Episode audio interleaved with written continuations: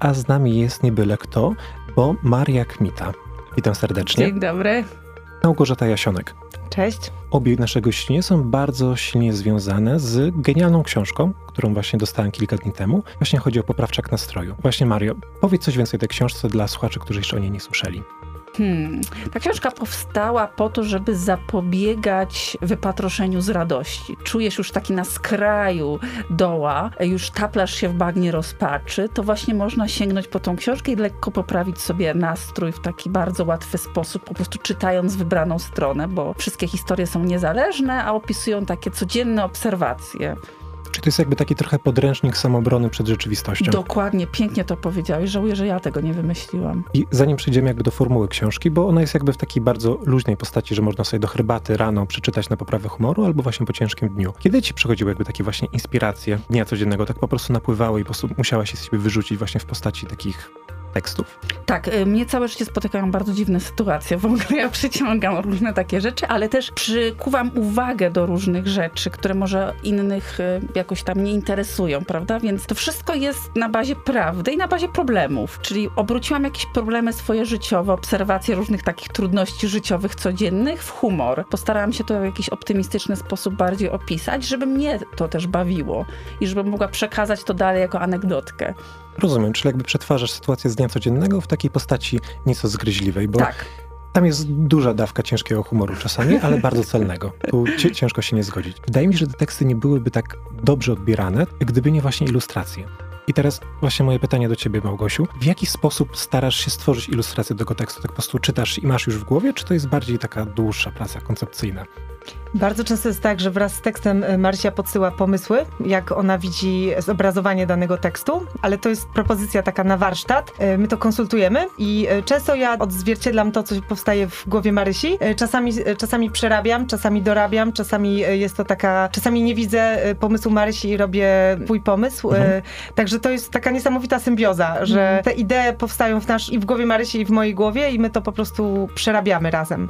Także mi, mi jest bardzo bliski taki właśnie syntetyczny rysunek. Y, bardzo mocno się inspiruje rysunkami z New Yorkera, które, które są w swojej formie takie do, doskonałe. Taki nurt, który mi przyświeca, taka Rozumiem. synteza. Powiem, że na początku nie wiedziałem, że te rysunki i tekst tworzyły dwie różne osoby. Myślałem, że to jest tak spójne ze sobą i tak jakby dobrze dobrane, że myślałem, że to jest jedna i ta sama osoba, ale jak się okazuje... O, to super komplement. Dziękujemy. Na pewno jakby ta książka przyda się każdemu, kto ma różne przemyślenia, obserwuje rzeczywistość, ale nie ma też czasu jakby usiąść i jakby podsumować tego, co przeżył. Czasami takie jakby przeczytanie o tym, co się przeżyło w innej książce bardzo pomaga.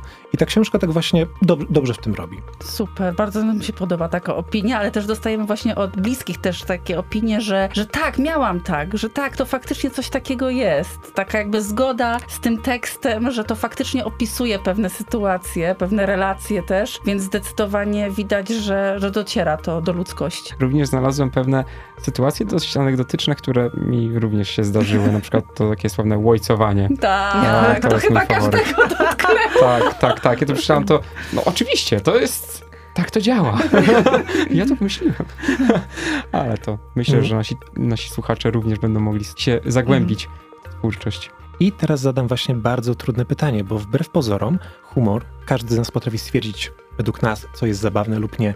Ale właśnie Mario, jak jest z tą definicją humoru? Czy naukowcy są zgodni co do tego? No zdecydowanie nie. No strasznie się ze sobą kłócą, nie potrafią wyjaśnić, czym jest humor. Jest aż 100 definicji humoru i powstają ciągle nowe. Ale faktycznie zapytany człowiek o to, co to jest humor, zaczyna panikować nie wiedzieć, jak zebrać myśli do kupy, bo to jest bardzo trudny, a abstrakcyjny temat, więc ciężko no, wymyślić. No to prawda, humor jest taki bardzo abstrakcyjny, ale właśnie może tak spróbujmy to rozbić na jakieś takie mniejsze partie. Są jakby żarty, które jakby ociekają ironią i są żarty, które ociekają sarkazmem. Mhm. Podświadomie czujemy, o co w nich chodzi, ale czy byś mogła tak bardziej naukowo wyjaśnić, jaka jest różnica między tym a tym? W ogóle jest niesamowita korelacja pomiędzy e, sarkazmem, ironią i inteligencją. Trzeba mieć bardzo wysokie IQ, żeby to skumać, od razu mówię. I to jest taki świetny test na dopasowanie w relacjach między ludźmi. Jak jak ludzie kumają nasze żarty, to czujemy się im bliżsi, po prostu czujemy, że ta relacja będzie e, działała, e, więc e, na pewno w ten sposób to jest. Żeby zrozumieć ironię i sarkazm, no trzeba mieć pewien dystans do rzeczywistości. Nie każdy ma, niektórzy są bardziej naiwni, prostolinijni, poczciwi byśmy powiedzieli i nie podejrzewają tego drugiego dna po prostu. Jeżeli im coś opowiadamy, nie podejrzewają, że tam szpila jest. I może bym tylko właśnie na chwilę odbił. Jak bardzo musiałyście się nauczyć swojego humoru nawzajem, czy jednak tak przeciwnie, od razu były się tak sparowane, jeśli chodzi o poczucie humoru?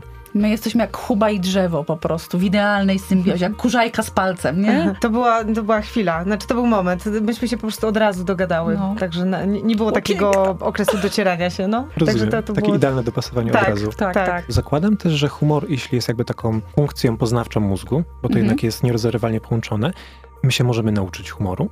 Do pewnego stopnia.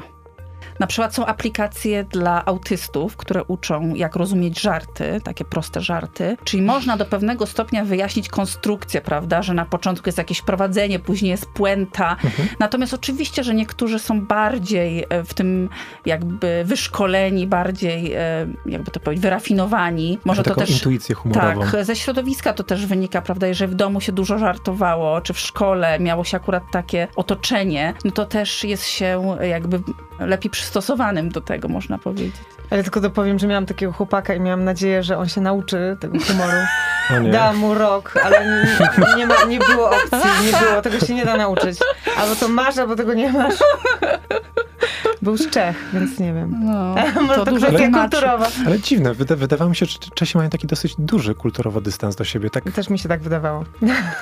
ja właśnie gdzieś czytałem, że Polacy wbrew pozorom mają poczucie humoru, tylko to jest takie bardziej wyrafinowane, sarkastyczne, angielskie. Tak, tak. Mhm. Zdecydowanie nasz humor jest ostrzejszy. Po prostu jesteśmy też niepolitycznie poprawni. Całe szczęście. I to uwielbiam akurat w Polsce, bo mieszkałam w Anglii przez 9 lat i tam jest polityczna poprawność, która tak blokuje pewne żarty.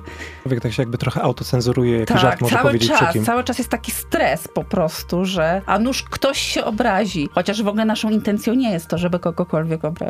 No bo też wspominałeś w niektórych z wywiadów, że trzeba jakby komedianta, właśnie tego stand-upera brać z pewnego dystansu, Tak. bo ma mniejsze pole do popisu i chodzi po polu Mhm. minowym i jednak słuchacze muszą być trochę dla niego bardziej wyrozumiali. Dokładnie, stopniu. dokładnie. No musimy założyć, że tego rodzaju gatunek przegina, przekracza Mhm. granice. Jeżeli nie chcemy tego słuchać, oczywiście nie musimy, ale jeżeli już się decydujemy oglądać komedię czy iść na stand-up, no bo musimy być otwarci na to, że coś tam może być ostrego, może nas urazić. Zakładam, że skoro musiałeś stworzyć jakby tyle żartobliwych historii, musiałeś w końcu się natknąć jakby na takie tematy, przy których miałeś pewne wątpliwości. Czy to się nada na jakąś historię? Miałeś takie wątpliwości przy czymś?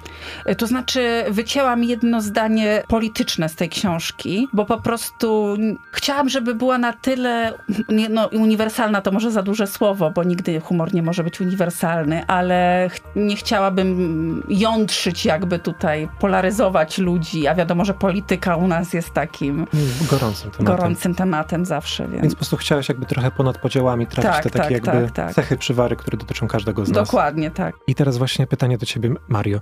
E, Jak bardzo taka krótka formuła, bo o tym też sobie warto powiedzieć, takich wręcz postów na Facebooku albo dwukrotność czegoś na Twitterze, jakby pasowała do twojego poczucia humoru? Jak bardzo długo myślałeś, w jakiej formie to przedstawić, te swoje myśli? No ja jestem teraz przyzwyczajona do tego, że humor musi być w krótkiej formie, musi być zwięzły, musi być soczysty i to musi być szybkie. Tak szybkie jak są memy czy gify. Po prostu nie mamy czasu na opisy przyrody i obiecuję wam w poprawczaku nastroju nie ma ani jednego opisu przyrody, więc możecie spać spokojnie. Uwielbiam takie formy, że człowiek nie jest zmęczony czytaniem że szybko nadchodzi puenta, że właśnie jest ten, e, ta ilustracja, która jakby dopełnia całego przedsięwzięcia, więc zdecydowanie krótko i na temat. To jest jakby mój Tak. cel. Jakby forma literacka na pewno to spełnia, bo jest taka faktycznie soczysta i mogłem przeczytać całą książkę pod rząd, nie będąc zmęczonym, ale chyba też bardzo dużo zasługa w tym jakby mimo wszystko wciąż świetnych ilustracji, bo one Mhm. tak przykuwają wzrok, pokazują, pokazują o co chodzi, ale jednocześnie są tak świetnie zespolone z tekstem, jak wcześniej mówiliśmy. Ty właśnie jakby tak intuicyjnie wiedziałaś, co będzie przykuwać wzrok, jeśli chodzi o te grafiki, czy jednak musiałaś dokonać pewnych modyfikacji, które będą takie bardziej medialne? Było z tym troszkę roboty. Żeby, żeby właśnie dokonać tej syntezy, to trzeba się troszkę nagimnastykować, y, żeby ten efekt uzyskać. Y, Było tak, że parę ilustracji musiałam y, robić parę wersji, żeby uzyskać tą wersję, która będzie taka najbardziej satysfakcjonująca, która Marysia też e, e, robiłyśmy tak, że ja robiłam tą ilustrację, wysyłam do komentarza i to tak, ta burza mózgów jest super Tak, cenna. to jest najlepsze. E, Że, że właśnie robimy to razem. Marysia tak samo była otwarta na komentowanie tekstów, jak ja Mhm. na komentowanie ilustracji. Pewnie, żeśmy się tak nie, nie trzymały tej swojej je, jedynej słusznej wizji, tylko chodziło o to, żeby zderzyć, zderzyć myśli i zderzyć takie wyobrażenia, żeby to było czytelne. Rozumiem, bo jednak ciężko wysłać obraz jakiś za pierwszym razem i tak, to jest świetne, dokładnie to miałem w głowie. Tak, No to jest tak, praktycznie dokładnie. niemożliwe. To jest praca, no. Wiesz, ogólnie jest, jesteśmy e, bardzo z siebie zadowolone na ogół, nie? Bardzo Tak. się chwalimy nawzajem. Tak, tak, także- Gosia jest świetna. Ale właśnie, zaletą wadą, bo to jest jednocześnie wada i zaleta tej książki, jest to, że jest bardzo zwarta, ale i krótka. I ja Mhm. na przykład czuję właśnie duży niedosyt, więc na pewno do niej O to będę wracał. chodziło. No właśnie, to zostawiacie to jakby na część drugą, trochę Tak, miejsca? już jest e, kolejna część, czeka na ilustrację Gosi, także mam nadzieję, że niedługo się pojawi. Czyli niedługo do nas znowu zawitacie z kolejną częścią książki. Macie czas w następnym tygodniu?